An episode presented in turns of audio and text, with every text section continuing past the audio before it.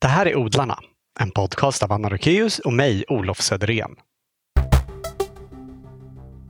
Innan vi börjar vill vi tacka ett par av våra sponsorer. Det är Grön IT Konsult AB som saluför japanska kvalitetsredskap för beskärning som grensågar från Silky och Golden Star-sekatörer. Riktiga proffsverktyg som både ger bästa möjliga resultat och har potential att hålla länge. Hela sortimentet hittar du på gronytekonsult.se. Vi är också väldigt glada över att kunna presentera Ekobanken som sponsor till detta avsnitt. Ekobanken är en medlemsbank och finns för dig som vill vara med och ställa om samhället genom att spara och låna pengar hållbart. Det är en unik bank eftersom det är den enda i Sverige som talar om hur dina pengar i banken används. Och de företag och föreningar som de lånar ut till är verksamheter som de bedömer ger ekologiskt, socialt och kulturellt mervärde. Till exempel ekologiska odlare och förädlare. Om man har sparpengar på de vanliga bankerna så har man ju faktiskt ingen koll alls på hur de används medan de är där. Till exempel om de lånas ut till saker som man inte alls vill vara med och stödja. Som sånt som på olika sätt skadar människor och miljö. I Ekobanken kan du som privatperson både spara och låna. Och sparandet är också tryggt eftersom alla konton omfattas av den statliga insättningsgarantin. Besök ekobanken.se så kan du läsa mer om hur de arbetar och hur du kommer igång med ditt sparande eller ansöker om lån. Stort tack! Utan sponsorer hade vi inte kunnat göra den här podden. Vår medverkande i det här avsnittet, Caroline Jönsson, är matkreatör, bloggare och författare till flera fina kokböcker. Och matintresset det har en nära koppling både till odlandet och till insamlande av mat från det vilda. Förra året startade hon och hennes sambo Alexander självhushållningsprojektet som man sedan dess kunnat följa både på Instagram, i en blogg och i Carolines egen podcast. Intervjun spelade vi in hemma hos Caroline utanför Skurup i Skåne den 6 maj. Varsågoda!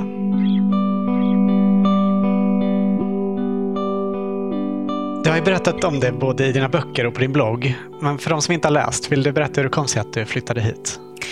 Ja, jag bodde i Lund eh, i, min brors lägenhet och eh, han behövde den igen och då blev det helt enkelt så att eh, jag stod utan någon annanstans att bo. Och så hade vi ett hus i familjen som vi hade haft eh, vi har, eh, hade hästar innan så vi hade liksom ett litet stall där vi hade dem. Och eh, vi har haft eh, huset uthyrt till lite kusiner och vänner och sådär när de också har varit mellanboende. Och nu stod huset tomt så att då passar jag på att flytta ut dit tills jag hittar någonting annat. Och eh, ja, åtta år senare så är jag fortfarande kvar i, i huset. Men jag, eh, jag började odla och blev vegetarian och började blogga samtidigt som jag flyttade ut. Så att alla, det var väldigt många pusselbitar som föll på plats för min del just i den flytten och just att komma ut på landet igen. Så det blev ett kärt återseende och väldigt härligt att vara tillbaka. Ja, för du kommer från den här byn? Ja, precis. Det är ingen jättestor by. Hur många, hur många är det som bor här ungefär? Ja, det, vad kan det vara? Max 50 pers måste det ju vara. Um, ja, där någonstans. Är det lika många hästar? Nästan fler hästar än, än folk här i byn kanske. Ja, ja det kändes som det när, Ja. när vi kom åkande här. ja. Och dina föräldrar bor ett, ett par hus bort här där du växte upp. ja det stämmer. Hur länge var du härifrån då? Ja, det var bara något år. Ja. Lite fram och tillbaka. Jag bodde eh, runt på några ställen och sen så var jag hemma eh, hos mamma och pappa igen och sen iväg. Så att eh, något år härifrån helt enkelt. Mm. Vad gjorde du då? Eh, jag pluggade i, eh, i Edinburgh och eh, sen bodde jag i Lund. Men eh, då var jag färdig som grafisk formgivare så att då frilansade jag och då satt jag egentligen bara i en lägenhet och jobbade därifrån. Så att eh, det var väldigt skönt att komma ut på landet och kunna ha massa andra små projekt också. Och i början så jobbade jag ju också som frilansande grafisk formgivare här ute då. Men vad tror du vad som hände då när du flyttade hit där liksom de här olika pusselbitarna föll på plats? Hur, hur kom det sig att det sammanföll så? Um, det var nog framförallt, Eh, som sagt jag var ju grafisk formgivare och så kände jag att jag hade jättetråkiga uppdrag. Det var liksom att göra loggor till någon snickare och det skulle absolut vara en hammare och en såg med i loggan. Så jag, jag var inte nöjd med, med mitt arbete så. Ehm, så jag kände att men förlagsbranschen verkar ju roligt med tidningar och böcker och sådär. Så om jag bara jobbar ihop en trevlig portfolio så kan jag kanske komma in på det hållet istället. Så jag, jag började ju blogga då, men då blev jag liksom också Och det var mat som jag bloggade. Och då blev jag så mycket mer intresserad av mat generellt och det ja, mycket som jag hade gått och funderat på innan med eh, vegetarisk mat och sådär blev liksom väldigt självklart. Och just då också när jag kom ut på landet, jag kunde faktiskt odla min egen mat. Jag gick väldigt mycket i skogen och plockade vildmat. Ehm, jag hade ju precis slutat plugga så jag hade ju inte helt fett heller så att det, allt man kunde hitta i skogen som var gratis var perfekt också. Så då, då blev det liksom bara så självklart för mig. Jag minns särskilt en gång när jag gick i skogen och så, så såg jag liksom bara en hel kantarellslänt som bara glittrade som guld och då blev det så uppenbart att bara här finns ju massa mat som bara växer rätt ur jorden. Och det behöver inte åka runt till industrier och det är inga djur som behöver dö. Här är ju liksom maten som jag kan äta och bli mätt på och få näring jag behöver. Mm. Det är eh, häftigt att det, är så, att det ja, finns så mycket. Ja, och just den där kopplingen då liksom mellan den växtbaserade maten och att odla. Eh, det, ja, det, det hände någonting i mig där och det blev nästan någon slags religiös upplevelse. Och eh, då kände jag bara att jag hade kommit rätt i livet helt enkelt. Mm. Men har det liksom funnits runt dig eftersom du är uppvuxen här? Såg du det liksom med nya ögon när du kom tillbaka? Ja, men jag tror det. Ehm, det har alltid varit väldigt självklart för mig närheten till naturen och det har alltid varit någonting jag varit väldigt eh, fäst vid och någonting som har varit väldigt viktigt. Men jag tror att eh, jag tror jag hade haft en tanke liksom om att om jag bor i en stad så kan jag göra de här och de här sakerna. Och sen när jag väl bodde i en stad och så kände jag att då var det massa andra saker som jag liksom fattades och då insåg jag väl kanske också att oavsett liksom var jag finns i världen så kommer det finnas saker som jag jag miste om. Och eh, då blev det helt enkelt tydligare att de största värdena för mig finns ändå på landet. Och eh, när jag då liksom flyttade ut på landet igen så eh, ja, då blev det nog att jag eh, verkligen tog, tog de sakerna för större vikt liksom. Mm. Hade du odlat något innan? Eh, jo, det, jo, men det har jag. Vi, eh, mina föräldrar har alltid hållit på eh, och haft eh, lite land igång och mycket liksom bär och eh, fruktträd och eh, sådär. Så att det har alltid också funnits med, men inte, inte hållit på jättemycket aktivt själv som yngre. Men ja, till viss del. Men jag, har, jag kände, liksom innan jag flyttade ut hit så kände jag att det var liksom ett spirande intresse och att jag, jag ville gärna, liksom, hade jag balkong så ville jag ha någonting som växte där. Så eh, hade jag bott kvar i stan så hade det nog också blivit eh, spenat i stan för min del och hittat lösningar där hur man kunde odla istället. Tror jag. Mm. Eh, jag har förstått att eh, dina farföräldrar var lantbrukare. Mm. Men dina föräldrar, de var, det var liksom hobbyodling? Ja, precis. Min pappa är uppvuxen på liksom en bondgård. Och så såg det ut liksom att alla eh, från min eh, mormor, morfars, farmor och farfars generation och bakåt så har ju alla varit lantbrukare och brukat jorden och haft djur eller varit fiskare i släkten. Så det, jag kan också känna en jätte koppling tillbaka till dem ibland när jag liksom jobbar med mitt ute i, i trädgården och ja, men just är i jorden eller man går ner till pilträden och eh, knipsar åt sig lite saker där som man sen kan bygga ett staket av eller ett torn. Att, att det är den här kopplingen tillbaka i eh, generationerna. Mm.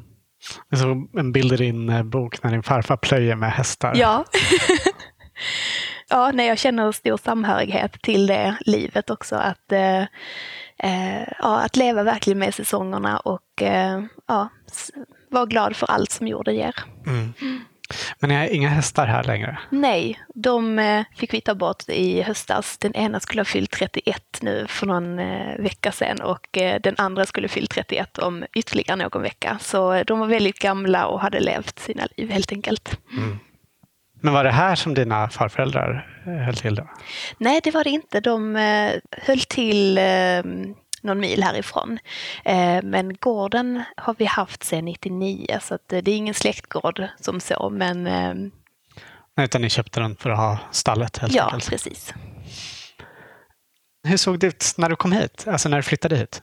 Det var en väldigt vacker trädgård. Det är väldigt tydligt att här har bott en del eh, Eh, kvinnor framförallt då som har haft ett stort glädje med trädgårdsarbete. Det är mycket blommande buskar och träd. Eh, väldigt mycket växter som har kommit fram också allt eftersom att jag har varit och krafsat runt i jordarna på olika håll. Men eh, trädgården var en eh, det var en ganska liksom intim trädgård eh, ganska nära huset med fruktträd, en eh, så här gammal buxbomsavdelning med eh, blomsterrabatter och pioner och rosor som blommar. Mm, ehm, som är inramade av eh, klippta buxbomshäckar. Ja, helt precis. Um, ja, ungefär så ser det ut. Ja. Det ligger ganska med, öppna åkrar åt tre håll i alla fall. Ja, ja, det är hästhagar på många håll och sen är det en, en åker på det, det andra hållet. Ja. ja. Mm.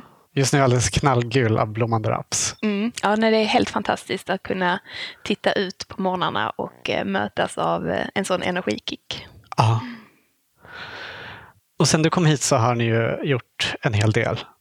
Vill du berätta hur det ser ut idag? ja, um, ja, men den här första inre trädgården som jag pratade från början, den ser ganska likadan ut. Den uh, har väl förfinats lite och har vuxit upp en himla massa under de här åren som har gått. Men uh, sen utöver det så har jag tagit anspråk på hästarnas hage en del och uh, utökat så att det har blivit liksom en köksträdgård utanför. Så där har vi ett eh, inhägnat eh, trädgårdsland så hönsen håller sig ute. Och mm, hägnat in köksträdgården istället ja, för hönsen. Ja, precis. ja, nej, det eh, jag tror höns ska gå fritt. Det, och så ska nog alla djur ha det egentligen. Så ja. de, de får härja runt här hur, hur de vill så eh, får vi hålla grönsakerna i styr bara. Det ser härligt ut för dem att gå fritt runt huset. Låg, när vi kom så låg de vid en eh, nyanlagd rabatt precis utanför ja, här. De får eh, unna sig det just nu. Så fort vi har planterat får vi väl försöka hänga ut dem. Men än så länge så kan de få sandbada i rabatterna också. Mm. Hur många är de? Eh, det är åtta stycken. Vi eh, tog hem ett par nya nu nyligen så det är, det är två stycken som är ganska stora kycklingar men de, de håller sig i hönshuset än så länge. Så att det, det är sex stycken som springer runt här ute på gården. Mm. Men de har ingen tupp? Nej, det är ett eh, starkt gäng tjejer som klarar sig själv här. Mm. Men den här fantastiska sockerkakan med rabarber som du bjöd oss på, den har du gjort utan ägg. Mm. Och de recept jag brukar vara veganska. Är hönsen enbart för sällskap? Ja, vi äter veganskt i princip och sen blir det ett annat ägg här hemifrån också. Aha. Men framför allt så är det ju bara fantastiska husdjur eller gårdsdjur och jag tycker oh, man ser lite hur den här gården har sett ut en gång i tiden när det har, har varit djur här och jag tycker det är fantastiskt när det får leva lite i buskarna här och det är höns som sprätter och uh, håller ordning i gräsmattan också. Ja, det är mm. mysigt. Uh, fortsätt berätta hur det ser ut här idag. Vi hade kommit till köksträdgården. Ja.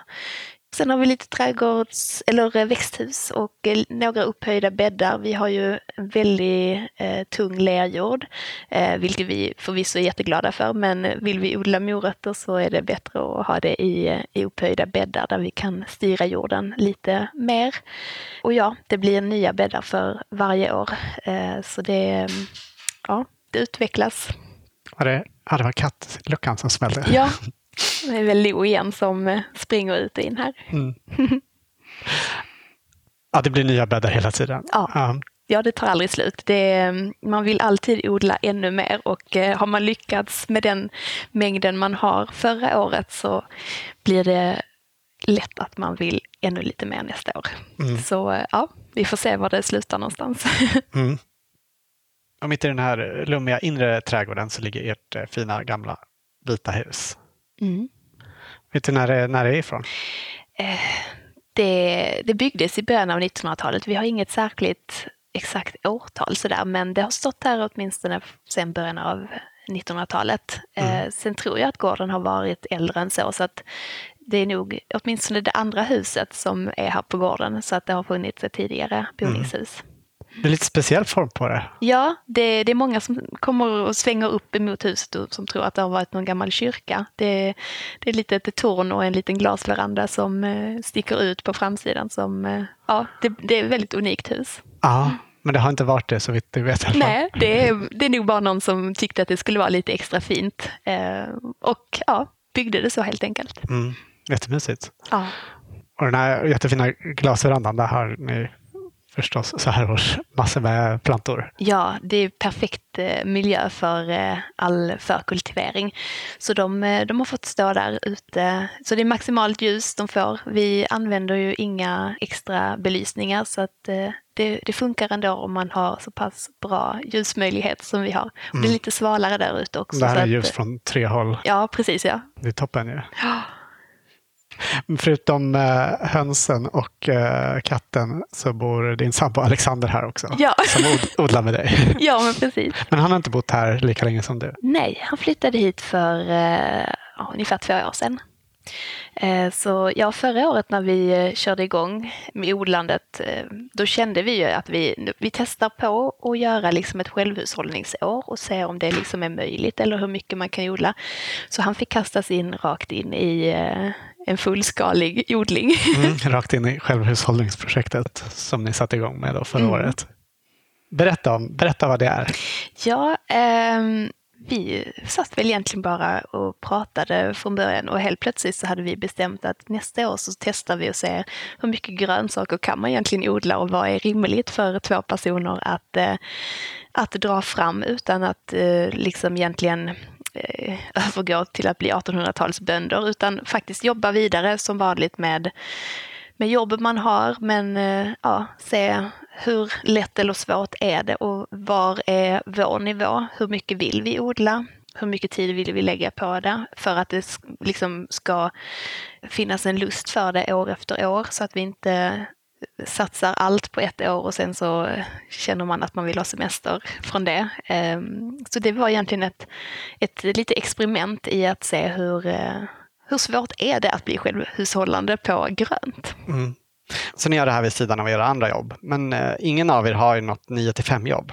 Eh, nej, ehm, jag är ju kokboksförfattare huvudsakligen så jag sitter ju hemma hela dagarna och kan eh, egentligen eh, ja, eh, Eh, får ju slita mig för att inte vara i landet hela tiden. Men eh, jag kan ju liksom parera det hur mycket jag vill egentligen och eh, lägga mycket tid ute i odlingarna om det behövs. Um, Alex är lite fram och tillbaka. Ibland så har han liksom 9 till 5 jobb om veckorna så att då är han iväg mycket. Men förra året så var det ganska mycket att han var hemma också och kunde ta, ta mycket tid i trädgården.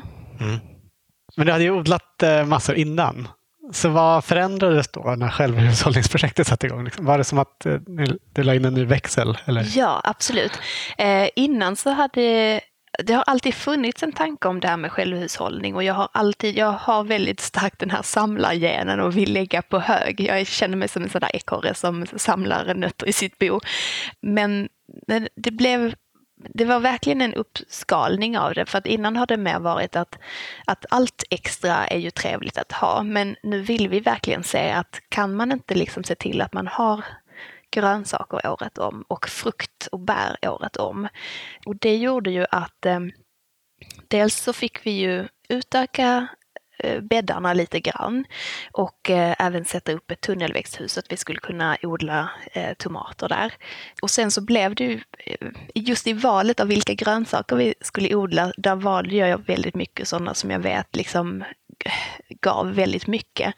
Eh, odlar man annars så är det ju mycket kanske att man vill odla roliga sorter eller att man kanske vill experimentodla och eh, hur funkar det med eh, liksom att odla teff eller någonting men att man kanske inte liksom får ihop teffmjöl till en limpa ens. Och inget sånt höll vi på med förra året utan då var det verkligen bara så här att ja, zucchini det äter vi, då ska vi odla massvis av det. Eh, och majs och tomater och sådär. Så att eh, det blev lite annan, annat sätt att tänka på odlingen och liksom lägga upp säsongen helt enkelt. Mm. Mm, du har skrivit i en av dina böcker att aldrig haft som mål att bli helt, helt självförsörjande. Mm. Har du ändrat dig om det? Nej, det har jag absolut inte faktiskt. Eh, jag känner att jag vet inte om man kan bli helt självhushållande faktiskt. Som, alltså, som en medborgare i det här samhället idag. Utan vi, vi är eh, beroende av varandra och eh, det är jättefint. Mm. Ehm, sen, jag älskar kaffe och salt och massa grejer. Så att, precis, det är en del saker man får avstå ja, om man vill bli helt och, självförsörjande. För, för oss så har ju det här absolut inte handlat om att, att begränsa sig på någonting utan att få den här enorma lyxen i att ha liksom helt giftfria grönsaker året om som växer liksom ja, 20 meter från middagsbordet i princip. Jättenäringsrikt och eh, underbart att eh, kunna ha det hemma. Liksom. Eh, dessutom så får man ju den här liksom, connectionen med naturen och tillbaka till rötterna. Och, ja, det händer mycket med mig när jag får liksom, vara med jorden och eh, ja, faktiskt odla min egen mat. Så för oss så är det ju liksom bara lyx på alla sätt och vis och då vill vi inte ta bort den där andra lyxen som, som finns i att också kunna få köpa en citron eller en avokado ibland. Mm. Vill du berätta lite mer om eh, vad du odlar? Ja, absolut. Vi, vi odlar ju egentligen allt möjligt som vi äter. Så att det, om man tänker grönsaksmässigt så är det ju liksom, det är väldigt mycket kål av olika slag. Svartkål är vår favorit så att det är väldigt mycket av den varan. Mm. Vad gör du helst av den? Oj, allt möjligt. Vi, vi äter den dagligen. Liksom. Allt ifrån att vi bara äter den liksom som sallad. Vi är inte jättemycket så här eh, salladfantaster, att vi eh, rucola är egentligen den där salladen liksom som vi odlar och sen så är det liksom kålvarianter istället. Så att det är mycket liksom masserade kålsallader. Ehm, men alltifrån liksom slänga i grytor och soppor och eh, i, som pastasåser och ja, allt. Mm. Ehm, men sen, ja, det är sommarsquash och det är vintersquash, det är majs, det är purjolök, lök, vitlök, potatis. Ja, egentligen allt som man tänker sig att man går och handlar i mataffären. Paprikor, aubergine, tomater i massvis. Eh, mycket örter odlar vi också. Och sen, eh, sen är det liksom en bärträdgård som vi också har anlagt med eh, hallon, jordgubbar, blåbär, blåbärstry, vinbär. I, I vårt växthus så har vi persika, fikon, vindruva och kiwi. Mm. Så det är väldigt lyxiga Härligt. saker som kommer på sommaren när man får sätta igång och ja, gå ut på morgonen och plocka en persika och äta till frukost. Mm. Ljuvligt. Mm. Ja, ja, det är väldigt lyxigt. Fikonen hade vi in i december så det var liksom helt, ja, det var sån lyx att man liksom inte kunde fatta det nästan. Nej. Mm. Men det är någon som eh, typ Bornholmsfikon eller? Ja, precis. Ah. Vad är det för sorts persika ni? Eh, jag tror det är den sorten som heter Riga. Ah. Eh, och den är ju härdig egentligen på friland här också men eh, jag valde att sätta den i växthuset för att den ja, ska få det lite lyxigare helt enkelt. Ah. Sen så sa du ju att du plockar mycket från det vilda och ser naturen som ett förlängt skafferi. Mm. Vilka favoriter har du i det vilda? Mm. Ja, det är egentligen de grejerna som vi har valt att inte odla för att vi har dem i skogen istället. Eh, vi har ju björnbärssnår som växer precis överallt så att eh, går vi liksom två minuter hemifrån så kan vi plocka hur mycket björnbär vi vill. Oh, vad lyxigt. Sen eh, så här i år så har vi ju plockat jättemycket ramslök och skogarna är ju fullkomligt fulla av det. Eh, och det kan ju, vill man så kan det ju bli liksom en ny resurs. Så att istället för oss då som hade väldigt dåligt med lök, då kan vi ju faktiskt liksom från april gå ut i skogen och plocka ramslöken istället för det skafferiet tar liksom aldrig slut. Där, där kan vi plocka tills vi inte vill äta mer. Mm. Men ja, när jag är bara så tacksam för allt sånt smått grönt som egentligen växer. För man, som odlare så vet man ju hur mycket energi det kan ta att liksom dra upp små ynkliga frön och eh, få det att växa och bli någonting i mm. vissa fall. Och eh, sen har man ju de här kirskålen och eh, maskrosblad och allt möjligt som bara liksom har sin levnadsglädje och kommer av sig själv. Och att kunna plocka dem liksom tidigt på året när det faktiskt inte finns så himla mycket annat tycker jag är jättelyxigt. Så att eh, ja, allt, allt smått grönt som kommer är väldigt välkommet. Mm. Mm. En annan vildväxt som vi läste är en, lite av en favorit är havtorn. Ja. Som du plockar vid eh, brofästet i Malmö. Ja, precis. Då, eh, då får jag åka lite närmre inåt stan och eh, passa på att eh, plocka havtorn också. Nej, jag tycker det är en helt fantastiskt eh, bär jag gillar ganska mycket syrliga smaker och eh, att kunna plocka någonting som smakar liksom som ett nordisk, eh, en nordisk passionfrukt känns superlyxigt. De är ju skitjobbiga att plocka så att eh, det brukar inte bli så många kilo per år men eh, de som väl plockas in, de avnjuter jag verkligen. Mm. Vad gör du helst av dem? Ehm, jag gillar egentligen att äta dem bara som de är. Att man kanske har det på liksom frukostgröten eller jag har eh, också mixat dem och haft i juicer. Men ja, jag gillar att äta dem så att man smakar verkligen vad de är. Torkat har jag gjort också. Det är supergott också att ha ja, till gröt eller eh, ja, frukost på något vis. Mm. Men du har inte planterat in dem här i trädgården? Jo, jag har faktiskt ja, har en jag. buske. Ja, den fick jag av en kompis. Så att, eh, jag tror det är en honplanta jag har så att jag får eh, skaffa en, eh, en kar till den också så att det i framtiden kan, kan bli bär. Ja, och sen har vi sett att du plockar mycket svamp också. Ja, precis. Eh, nej men det, än en gång, då vaknar nog den här samlaren igen. Men eh, där har jag haft som en regel för mig själv att en ny svamp får jag lära mig per år så att jag inte går mm, helt så bananas. Så att du verkligen ska kunna ja, dem. Liksom. Precis. Eh, så nu är Hur länge har du hållit på med det? Oh, jag vet inte. Och sen har jag inte hållit det helt heller så att det har blivit några extra per år. Okay. Eh, men jag jag tänker liksom alla soppar som jag kan kan jag plocka och sen är det kantareller, eh, bläcksvamp, eh, champinjoner har vi jättemycket här ute i hagen. Mm, det är många rädda för att plocka. Ja, eh, nej jag är inte rädd för champinjoner. Där, där känner jag mig trygg och eh, ja, känner igen dem. Um, Men du har aldrig råkat ha fel svamp? Nej, det tror jag inte. Jag har aldrig känt av det i varje fall. Så att i Nej. så fall så har jag tagit fel men ändå någon ätlig. Mm. Ja. Men hur gör du för att lära dig dina svampar? Um, då kanske det är att jag liksom hittat någon svamp som jag har märkt att det växt mycket av och då kanske jag känner att då hade det varit liksom värt att lära sig om den är ätlig eller inte. Och då brukar jag liksom plugga på och undersöka verkligen vad det kan vara för svamp. Eh, men då, det är ju egentligen liksom att jag googlar eller läser i böcker liksom, så att jag är säker på vad det är för någonting som jag plockar. Sen kan man ju också hålla sig till vissa liksom svampfamiljer lite och då kan det liksom vara lite tryggare också att ja, veta vad man sysslar med där. Mm. Hur har du lärt dig odla? Är det samma där att du läser på efterhand eller har du med dig mycket hemifrån? Nej, men det är nog framförallt så att eh, så fort man ställer sig inför att någonting inte växer som man tänker sig att det ska eller man vill odla en ny gröda så, så har jag nog varit ganska bra på att eh, sluka litteratur och eh, nördat in mig på saker. Ehm, ja, men jag tycker det är ett bra sätt att eh, liksom lära sig saker också, att, eh, att det blir en skola över lång tid, att man kan läsa in sig på varje gröda allt eftersom. Är det samma med vilda växter, att du liksom lägger på nya, nya efterhand.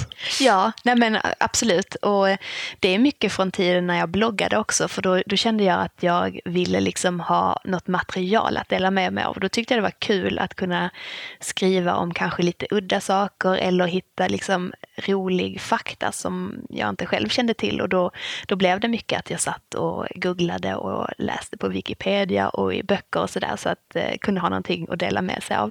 Och då blev det ju liksom att jag tankar mig själv på kunskap också. Så att eh, ja, nej, det här är ju liksom åtta års eh, utbildning via blogg egentligen som resulterar i plockandet i naturen och odlandet. Mm.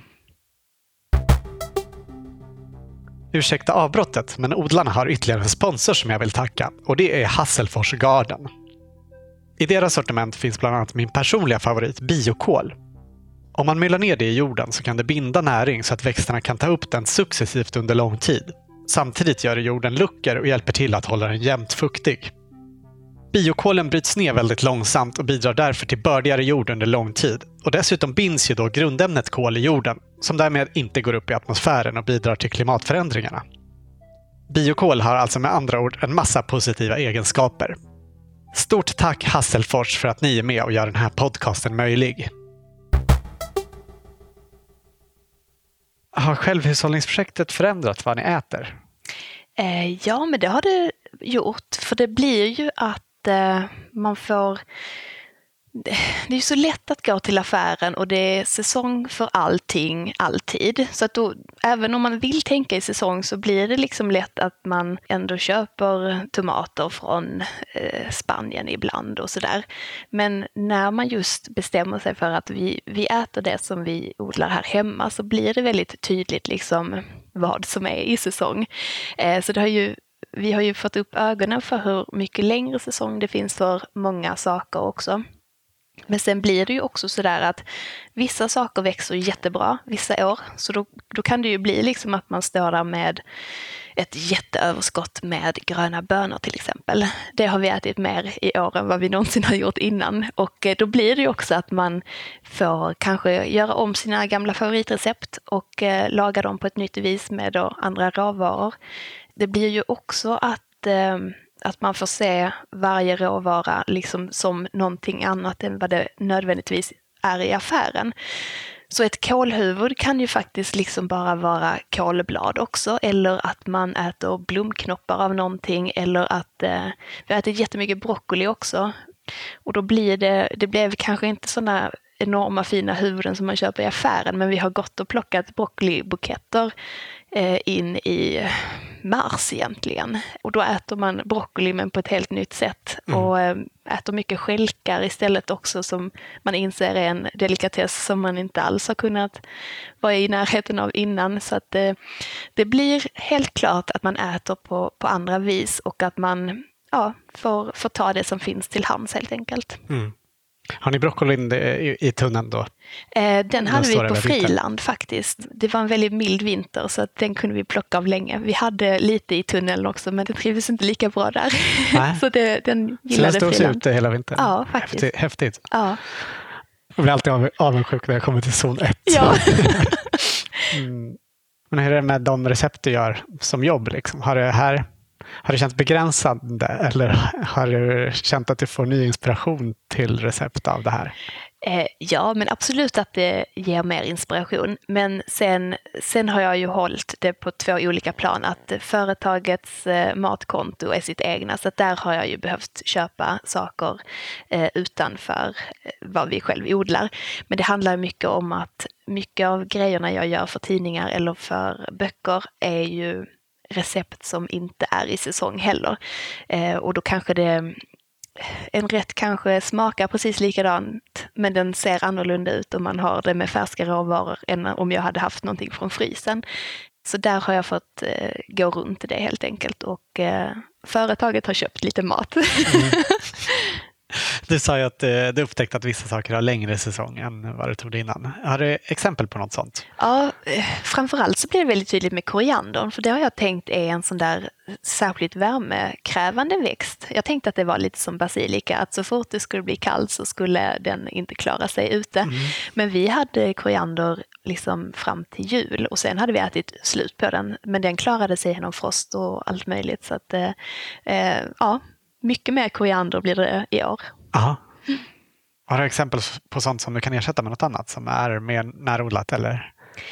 Eh, Eller har en längre säsong? Ja, men till exempel vi, vi, har, vi fick bra med morötter som vi åt liksom i höstas, men inte som liksom vi hade ett stort överskott av. Så att nu i, i vår så har vi istället haft massa pumpar som vi har kunnat äta och istället då för att liksom göra eh, soppa på morot eller ha det i grytor så har vi liksom bara bytt det rakt av mot pumpa istället. Och jag tror det är ganska mycket så man får jobba just om man vill vara självhushållande, att man kan inte förvänta sig att vi liksom alla tider på året har alla grönsaker utan eh, ja, men istället se hur, hur liksom fungerar den här grönsaken och vad är det jag vill ha ut av den och hur kan man då liksom hitta andra saker istället och ersätta dem med.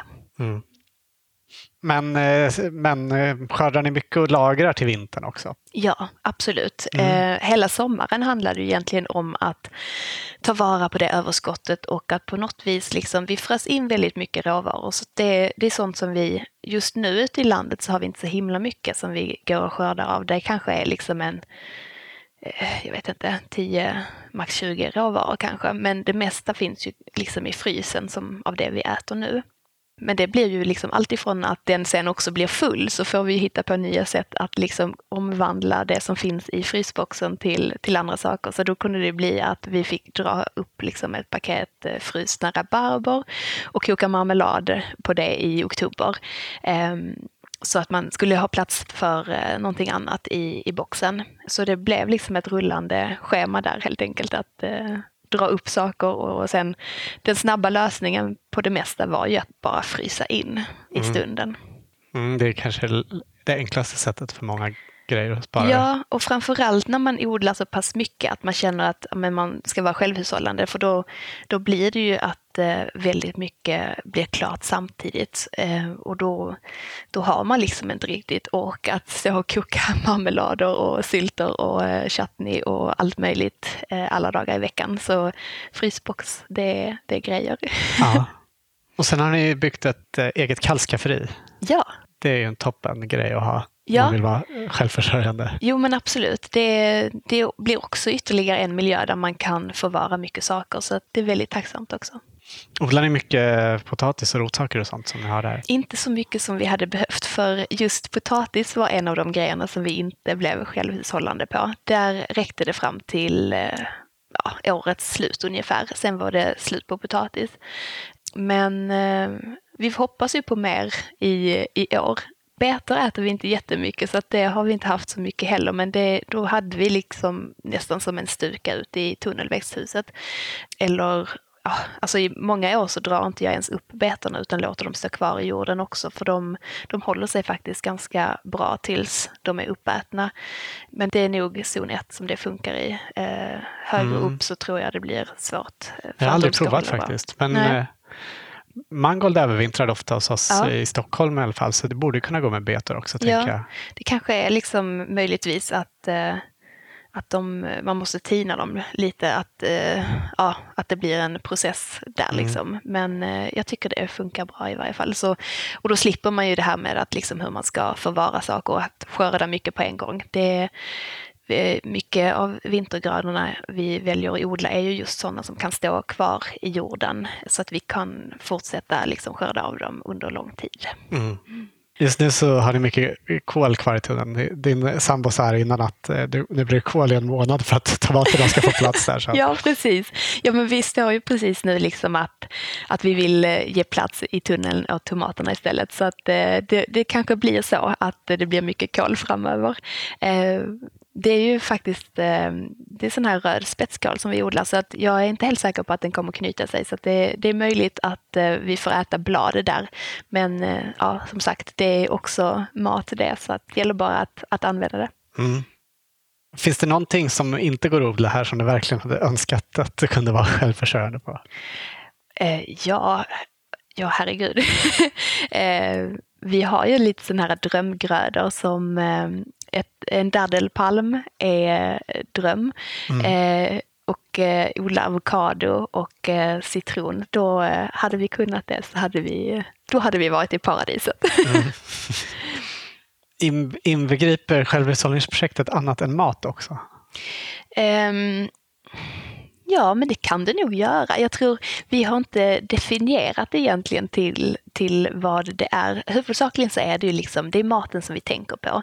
Men det är ju såklart att när man startar igång ett sådant projekt så blir det ju att man också funderar på alla möjliga sätt liksom. Och det blir ju ganska tydligt för en vilka andra punkter i ens liv som är ganska självhushållande. Eh, jag bor ju här hemma och eh, jobbar och har ju liksom hela min verksamhet som också är liksom eh, grönsakerna handla, hamnar i, eh, i maten som jag lagar och som blir kokböcker eller som hamnar i tidningar. Så att eh, det är för mig också en, en cirkel liksom som sluts och ett slags självhushållande att, eh, ja, men att befinna sig på en plats och eh, kunna liksom få liksom ekonomiska resurser på det viset. Ehm, mm. Att gården där ni bor också eh, ger inkomster som kan eh, användas till sånt som man inte kan fixa själv. Ja, precis. Ja, man fattar. Mm. Det blir det är någon slags permakulturtänkande kring det tror jag. Mm. Mm. En annan grej där självhushållningen och miljötänket märks är att ni jobbar mycket med återvunna material också i trädgården. Ja, ja men vi, vi gillar ju det där liksom att eh, saker får gå i cykler runt, runt, runt och det, det finns något visst i det där att slippa liksom gå till en handlare och köpa liksom allt ifrån om det är ett staket vi ska göra eller om man ska bygga någonting. Min, eh, min pappa är en sån här eh, ultrasamlare så att han har en hel verkstad och två garage fyllda med brädor och spik och skruvar. Så eh, oftast när man vill göra någonting så finns resurserna där och då, ja, det känns väldigt mycket bättre att kunna göra någonting nytt av någonting gammalt. Och då, ja, då känns det inte som att man tar liksom anspråk på de där resurserna som jorden hade behövt själv kanske. Nej, precis. Och växthuset som du nämnde, där ni har persikan och eh, fikonet, eh, har ni byggt det också av återbrukat material? Ja, det har vi faktiskt. Det, det var också ett sånt här eh, bygge som vi försökte använda massa restmaterial som fanns så det är gamla fönster, ja, de som satt på huset här innan och eh, ja, sen hittade vi lite restmaterial på, på nätet som vi kunde köpa och brädor och grejer som vi hade hemma. Mm. Jättefint. Jag har förstått att du också, precis som många som är inne på självhushållning, har tankar kring arbete och downshifting. Ja, jo men precis. Och det, det blir ju också väldigt tydligt när man jag älskar ju att vara ute i odlingarna, så jag känner ju att även om jag har världens roligaste jobb och en dålig dag på jobbet när jag känner att jag vill inte jobba, då handlar det om att jag inte liksom vill ställa mig och baka en kaka och futta den. Så det är ju ett väldigt lyxproblem, men då kanske jag hellre egentligen vill vara ute i, i landet. Men då kan jag ändå känna liksom att, att jag vill inte att jobbet ska ta all min tid, utan jag vill göra just det som jag tycker är det allra roligaste. Så vill jag göra eh, någonting och vara ute i, i landet och jobba med jorden så är det ju egentligen det som jag borde göra. Och eh, då har det ju kommit väldigt mycket tankar också om, om att eh, skifta ner lite och eh, vi körde en sån här eh, köpstoppsmånad när vi eh, testade det, att, inte, ja, att inte handla saker. Eh, det blev ändå att vi var tvungna att köpa något paket eh, havregryn och sådär. Men bortsett från det så, så var vi självhushållande en månad. Mm. Och köpte ingen, ingen mat alls i övrigt? Nej, och inga prylar och ingenting alls. Och det, det var också jätteskönt och ur det så kom det också nya tankar liksom i att, att det faktiskt är ungefär så här man kanske borde leva för att vi ska liksom bli kvitt de här problemen med klimatet och att det är ungefär på den här nivån som man kanske borde konsumera. Det är mat vi ska lägga pengarna på liksom. Och eh, då blir det också ur det lättare att en, då också se på sitt liv att nej men vi, vi ska nog faktiskt inte jobba så himla mycket för vi, vi mår nog bäst av att inte ha så mycket extra pengar på banken och som vi kan spendera. Och eh, ja, då blev det väldigt självklart att eh, att det också ja, men det var lite skönare helt plötsligt att inte behöva känna att vi behöver jobba så mycket. Mm. mm. Jag kan tycka att nästan det finns en Alltså, ungefär samma kick som förut när jag köpte mer saker så kunde man få någon sorts kick av att köpa något nytt. Mm. Liksom. Nästan samma känsla kan jag få nu när jag väljer bort någonting. När jag bestämmer mig, nej men jag behöver inte det här. Ja. Kan man känna den tillfredsställelsen? Ja, liksom? det håller jag med om. Det, det finns en kick på det hållet också, helt mm. klart. Att, eh, att kunna vara så, ja men stå sig själv helt enkelt. Ja. Mm. Men eh, du nämnde ju dels sånt som inte går att odla här som kaffe till exempel. Mm. Och eh, så nämnde du att ni hade lite frytpotatis. Mm. Men hur har det gått eh, i övrigt? Hur pass självförsörjande har, har ni lyckats bli? Um, Ja, mer eller mindre helt faktiskt. Det är potatisen och sen var det lök och vitlök som gick jättedåligt för oss. Så det är ju ganska mycket sådana där liksom basråvaror. Eh, å andra sidan så är liksom potatis, lök och vitlök inte så dyra saker att köpa. Så det beror lite på hur man också väljer att se i vilket syfte ens självhushållning har. Mm. Eh, och det, det är också någonting man kan ha i åtanke när man, om man själv skulle gå in för ett självhushållningsprojekt. Vilka råvaror är viktiga för en att odla? Eh, mm. Man kan ju satsa på sånt som är dyrt att köpa i affären och dra upp det. Eller så satsar man helt enkelt på det där som man äter dagligen och eh, ja, har en stor del av ens eh, kost. Mm. Men, eh, nej, men det har gått eh, över all förväntan faktiskt. Vi har jättemycket mat fortfarande som vi äter av fastän vi är lite i ett hunger gap här i eh, början av maj. Ja, så ehm, nej, över all förväntan. Men sen är det ju som, som sagt vissa råvaror som man inte lyckas med. Men det har, för oss har det nog blivit ganska tydligt att hur som helst så kommer ju vi aldrig bli 100% självhushållande. Och då spelar det inte så stor roll om man är liksom 75% självhushållande eller 78% självhushållande. Så att då gå och köpa några säckar potatis spelar liksom absolut ingen roll. Nej. Och det visste jag inte hur jag skulle ställa mig inför något, ett sånt misslyckande innan. Men eh, ja, det, det är sånt jag fick lära mig efterhand här. Mm. Ja. Förra säsongen, 2018, eh, det var ett rätt tufft odlingsår för många. Mm. Men ni lyckades Ja, det med gick det mesta, bra. Ändå. Ja, jag vet inte om det är vår tunga lera som vi har att tacka för mycket, att den, den håller eh, vätskan väldigt bra. Ja. Men, eh, nej, men jag tror, vi jobbade jättemycket med täckodling. Eh, så vi försökte täcka jorden så mycket det bara gick och sen eh, vattna liksom förnuftigt och försöka få ut liksom mesta möjliga eh, vätska liksom eller så här, att vattna kanske vad kan det ha varit, var fjärde, var femte dag, men vattna liksom då, låta spridaren stå i en timme liksom, så att det verkligen blev en rotblöta och sen klarade sig väldigt bra. Ett men ni har bra vattentillgång? Ja, det har vi. Vi har kommunalt vatten och eh, det var inga restriktioner under eh, säsongen alls, så vi hade ju kunnat vattna loss så mycket vi hade velat också. Men ja. Eh, ja, det är ju också en del i självhushållandet med eh, att ta vara på de resurserna. Vi eh, har ju vattentunnor och sådär som vi för, I och med att det inte regnar så blev det ju ingenting vi kunde fylla upp det med. Nej. Men eh, det är ju sånt man också kan ha i åtanke. Ja. förutom att täcka jorden, hur jobbar du med den här leran? Ja, nej men det är ju bara att liksom tillföra så mycket organiskt material som möjligt för att liksom bryta upp strukturen helt enkelt. Mm. Men nej, nu tycker jag att nu börjar det hända någonting. Eller det gjorde det liksom från första året också.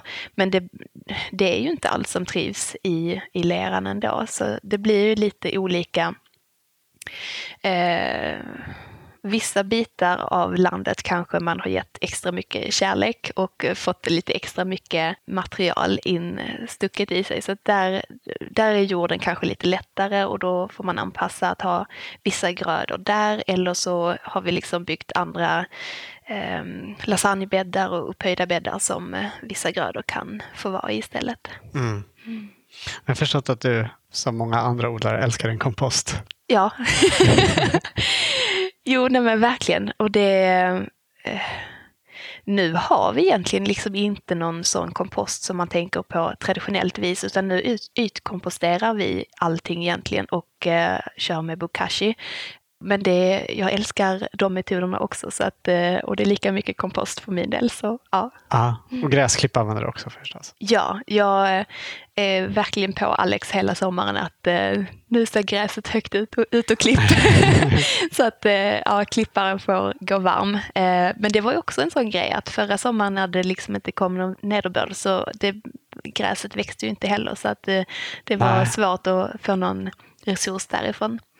Men nu i år när vi, har, eh, eller när vi inte har hästarna så har vi istället hela hagen som kommer stå tom. Så att eh, allt eftersom den växer upp så tänker jag att vi ska slå den med lie och sen använda som täckmaterial. Mm. Så det, det blir så det också... kommer bli en äng där istället? Ja, precis. Och jag hoppas det kommer komma massa blommor också som eh, pollinatörerna kan få dra nytta av. Mm. Vi läste eh, också att du har ett bra knep som du lärt av din mormor om hur man kan få bra jord till sina krukor. Ah, ja, men det, det är en av de grejerna när jag känner den här liksom kopplingen tillbaka i generationerna. För vi har nämligen ett pilträd som står eh, nere vid en liten bäck. Så eh, ibland när jag går ner dit så eh, det är liksom, jag vet inte hur gammalt det är, men det är liksom helt sönderfallet det här trädet. Det lever på halva sidan och resten är liksom förmultnat. Och eh, om man går dit där och krafsar lite i jorden så inser man att halva det där trädet då har liksom stått där och förmultnat. Så eh, där är ju fantastiskt fin jord som, eh, som man kan ta och eh, använda i krukorna. Och då brukar jag tänka på min mormor när hon var liten flicka och blev ivägskickad av sin mamma att gå och fylla på blomjord till krukorna. Mm. Mm. Då tog hon det från ett gammalt träd? Ja, precis. Smart ju. Ja. Mm. Men självhushållningsprojektet, är det liksom ett tidsbegränsat projekt eller pågår det tills vidare? Ja, det är nog tills vidare. Egentligen så sa vi liksom, det var första året som vi liksom testade eh, och ja, ni vet ju själva hur det är när man sätter igång ett odlingsår så har man ju det att förhålla sig till. Så att då var det ju det året liksom. Men sen har ju vi, eh, vi har ju hela tiden haft en tanke om att vi vill vi vill odla. Så att eh, vi har ju absolut tänkt att det ska ja, rulla på av sig själv helt enkelt. Och sen blir det ju att eh, ja, men börjar man med vinterodling så liksom går det in på nästa år och så rullar det på av sig själv. Så eh, ja, det, det, är svårt att bara hålla det till vissa år också. Men absolut, vi, vi kör självhushållning i år också. Men eh, i år blir det lite andra takter. Vi är jättesugna på att testa massa roliga eh, knepiga sorter och sånt som vi inte odlade förra året för att vi bara liksom vill ha bulkgrönsaker egentligen. Så eh, i år, och det har egentligen att göra också med det här som jag pratade om att att det är inte så himla viktigt om man är liksom självhushållande till 75 eller 78 procent. Utan eh, ja, så då, då tänkte vi att det gick ändå så pass lätt förra året att vi känner att vi kommer nog upp på samma nivå men att vi kan liksom experimentera med lite andra sorter också. Ja, vad är det för, har du något spännande att berätta om? Eh, det kanske inte är spännande för andra odlare, men vi ska odla sån här elefantvitlök. Det tycker jag ska bli jättespännande och eh, testa på eh, hur den smakar och hur stor den kommer att bli. Ja. Och sen har jag fått tag i eh, lokförare Bergfeldts jätteärt, så det ska bli jättespännande också. Mm, och, den som testa på alla den. vill ha. Ja, så det, det ska bli superroligt att se hur stora de faktiskt blir, de här baljorna. Ah, okay. Men sen, nej, det är väl lite egentligen att det, det är nya sorter av massa olika grönsaker. Och jag har alldeles för dåligt minne för att komma ihåg saker. Men eh, ja, man får hänga med mig på Instagram så blir det fortlöpande rapport på vad det är för någonting som växer där. Ja. Alla som följer dig där eller som eh, har följt dig på bloggen eller läst dina böcker vet ju att du eh, tar jättefina bilder. Hur viktigt är det estetiska för dig i trädgården? Um, det är nog faktiskt jätteviktigt. Eh, det är inte så mycket någonting jag tänker på jättemycket, men jag tror jag har det med mig ganska mycket liksom hela tiden. Så att jag, jag tänker nog inte att jag ska kanske göra någonting som blir väldigt vackert, men, men ja, det händer. Ehm, jag tror att eh, jag har nog ett sätt att odla som gör att det blir ganska liksom spretigt och eh, att det liksom väller över kanterna ganska mycket. Mm. Jag eh, är inte väldigt mycket för att liksom rensa undan och hålla ordning utan det ja, jag kan tycka att mitt grönsaksland ser ut som en stor blomsterrabatt mitt i sommaren. Jag kan gå omkring liksom i flera timmar i trädgården och bara liksom insupa den eller sätta mig på en pall vid liksom, eh, mitt i trädgårdslandet på morgnarna när det är fullt liv bland humlor och bin som bara surrar i, i alla blommor som också får växa i trädgårdslandet. Så eh, är det jätteviktigt, absolut. Jag tror jag tänker ganska mycket också i, i liksom fotobilder när jag liksom skapar nya miljöer i trädgården och hur, hur det kommer liksom se ut på ett fotografi i slutändan. Ja. Eh, nej, men jag tycker det är jätteviktigt att det får vara liksom en fröjd för alla sinnen att, eh, att vistas i, i sin trädgård. Så att eh, ja, jag försöker. Mm. Du har skrivit att du drömmer om en skånsk allmogeträdgård. ja, och Berätta. den är på gång. Ja. Berätta, vad, är, vad är det? jag vet inte, jag, jag har nog bara tagit mig vatten över huvudet, men jag tänker att det är just en sån här gammal liksom buxbomsträdgård där, där det får växa liksom grönsaker och eh, blommor om vartannat. Men just att buxbommen är en väldigt eh, närvarande växt liksom, och mm. den som är själva formen i trädgården. Eh, och vi har ju den här buxbommen som har liksom stått på gården ända sedan eh, vi skaffade den. Så nu så ska vi liksom se till att eh, den blir så vacker den bara kan bli. Den, eh, vi har använt den som örtagård och sen har jag odlat lite i vissa av bäddarna där också, men buxbommen eh, det är väldigt stora, kraftiga plantor så de har eh, spritt ut sina rötter väldigt mycket och ehm, ja, då eh, har de tagit liksom jorden i anspråk ganska mycket. Så nu har vi höjt upp jorden så att det har blivit liksom upphöjda bäddar, någon decimeter, två uppåt kanske, så att i år i varje fall så ska det vara fritt fram för nya växter att växa där och så får vi väl se hur det blir framöver helt enkelt. Mm. I din bok eh, Det goda gröna så skriver du att odlingen för dig är avkoppling och glädje och att du därför har lagt undan prestige och prestationskrav. Mm. Lyckas du med det fullt ut? I kombination med att ha ett självhushållningsprojekt så kanske precis. det är två helt olika saker. eh,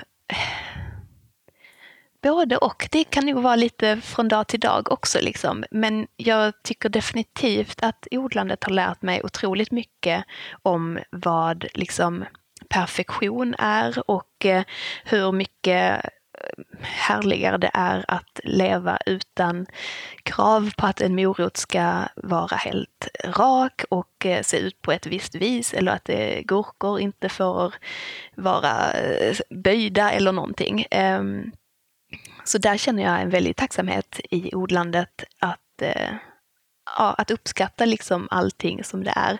Och det har jag tagit vidare till mycket annat också i just när man lagar mat. Att eh, allting jag lagar fotas ju, men jag kan tycka att ibland så så är vi så fasta i det där att eh, det är inte liksom bra förrän det, det ser bra ut också fastän smaken kanske finns där så, så blev det inte som man hade tänkt sig. Och jag tror det finns mycket i att eh, vara ödmjuk för att ändå uppskatta det det blir. Jag har en kompis som började baka surdegsbröd och de, de jäste jättefint men de blev alltid väldigt platta.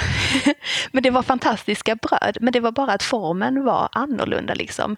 Men samtidigt så fick man ju jättemycket liksom skorpa på. Så eh, det var ju väldigt aromatiska bröd men de såg bara inte ut precis som i boken. Eh, och det tycker jag också är en fin lärdom liksom och det känner jag att verkligen de här härliga liksom, morötterna med springande ben har, har lärt en att eh, ja, det finns något väldigt vackert i att saker blir som de blir. Mm tidningar kanske kommer få helt en ny typ av bilder av dig. Ja, risken finns. Och någon gång så gjorde jag någon eh, som en slags pizza. Eh, och då kände jag, alltså när jag hade stått och rullat dem så kände jag, men nej, de blev sådär helt runda som på pizzerian. Och jag ville att de skulle vara rustika och liksom se ut som att det var lagat i ett landkök. Så då fick jag stå och dra i dem så att de skulle bli liksom... Lite ojämna. Ja, så det kan man nog tänka sig och förvänta sig. Mm. Vi har ju en liten tradition i Odlarna att vi brukar avsluta med att få medverkande få ge sitt bästa odlingstips. Ja. Har du något? Jag tror det bara handlar om att sätta igång. Oavsett liksom var man befinner sig någonstans så, så tror jag att man kan göra någonting. Så att eh, även om det handlar om att man börjar så någonting i krukor på sin balkong eller i ett fönster så handlar det bara om att sätta igång. Jag tror det finns någonting väldigt speciellt där i, i all den här växtkraften som gör att det händer någonting med en och man vill ha mer. Så att får man bara sått, sått de där första fröna så tror jag att man väldigt snart kommer att odla väldigt mycket mer också. Mm, det är bra tips, bara sätta igång. Har du något bästa tips om man vill bli självförsörjande?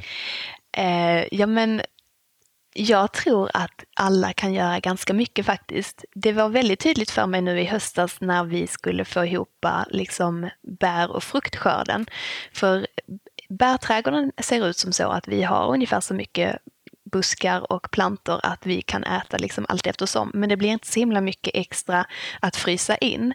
Så det vi fick ju ta tillvara på där var ju att liksom gå och plocka björnbär varenda kväll, allt eftersom det mognade nytt. Ehm, vi var också på en liten utflykt och då hade vi med oss bärplockarkit så att vi kunde liksom samla på oss blåbär för att kunna ha det liksom hela säsongen. Vi ehm, det är lite upp och ner med våra äppelsäsonger här. Vi har ett träd som ger enorma mängder, men det är vinteräpplen så att de är inte så goda alltid. Så då satte vi egentligen upp en lapp här i byn och frågade om grannar hade någon frukt som de kunde tänka sig göra sig av med om vi kunde komma och plocka. Och eh, dels så fick vi, eh, vi fick äpplen av en granne och vi fick eh, typ 25 liter valnötter av en annan som kom liksom Oj. och körde hit last efter last som vi har fått wow. ta hand om.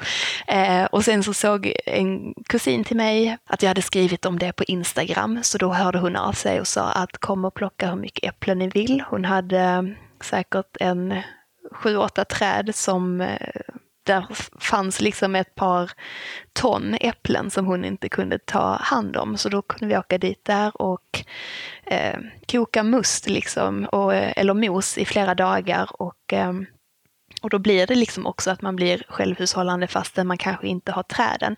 Det finns ju liksom äppelträd i hela Sverige där ägarna inte kan rå på och ta hand om skörden. Och eh, kan man lokalisera ett sådant träd, vare sig om det är en granne eller om det är en bekant, så är det ju fantastiskt också att ta vara på det. Så mm. jag tror egentligen, har man bara liksom förrådsutrymme eller utrymme i kylen så tror jag alla som sitter i en lägenhet kan bli självhushållande på bär och frukt. Ja.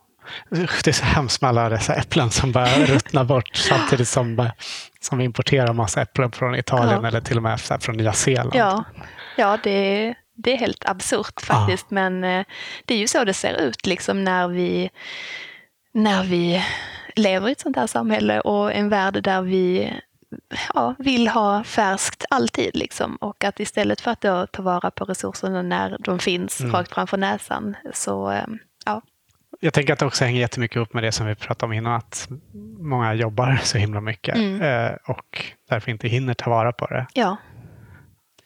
Ja, det blir ju på det viset liksom att, att har man inte tid så, så får man ju köpa en, en liksom ganska dålig lösning. Mm. Eh, så det, det är ju fantastiskt om man kan liksom sätta av en helg eller två i september, oktober och liksom åka och plocka äpplen hos någon bekant eller sådär och eh, ta vara på den mm. skörden. Mm. Du, tack så jättemycket för att eh, vi fick komma hit och hälsa på. Tack snälla, det var fantastiskt att ha er här.